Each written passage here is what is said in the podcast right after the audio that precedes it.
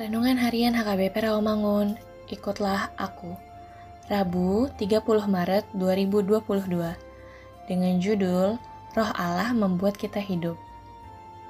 Bacaan pagi kita pada hari ini diambil dari Kisah Para Rasul 13 ayat 26 sampai 33.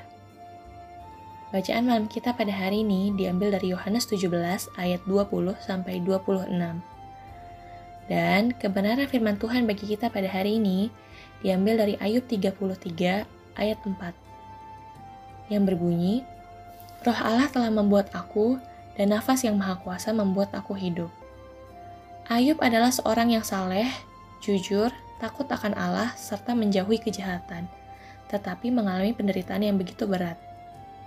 Melalui kitab Ayub ini diharapkan orang percaya dapat memaknai penderitaan dengan bercermin dari pengalaman Ayub tersebut, dengan tujuan agar orang Kristen termotivasi untuk bertahan dalam iman ketika berhadapan dengan penderitaan.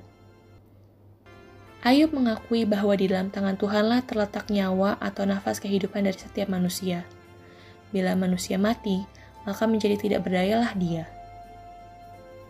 Untuk itulah Ayub dipanggil guna merasakan bahwa hidupnya telah dijadikan Tuhan, serta Tuhan juga telah memberikan nafas kehidupan kepadanya, sehingga dia tetap mampu bertahan di tengah penderitaan yang dihadapinya.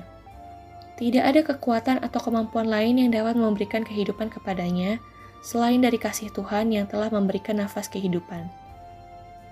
Kita tahu bahwa setiap manusia merupakan makhluk yang diciptakan Tuhan secara multi aspek yakni aspek jasmania yang terbuat dari debu tanah dan aspek rohania yang diberikan yakni roh Allah. Manusia harus sadar bahwa dirinya di satu sisi adalah fana, tapi di sisi yang lain adalah dipanggil untuk hidup pada kekekalan. Apa pun yang kita hadapi saat ini, ingatlah bahwa Tuhan telah menjadikan kita serta memberi nafas dalam hidup kita. Dialah yang memberikan kekuatan pada kita seperti Ayub yang dikuatkannya menghadapi pergumulan hidup. Marilah kita berdoa. Ya Tuhan, ajarkan kami untuk memakai hidup kami seturut dengan kehendak Tuhan dan mampukan kami mensyukurinya.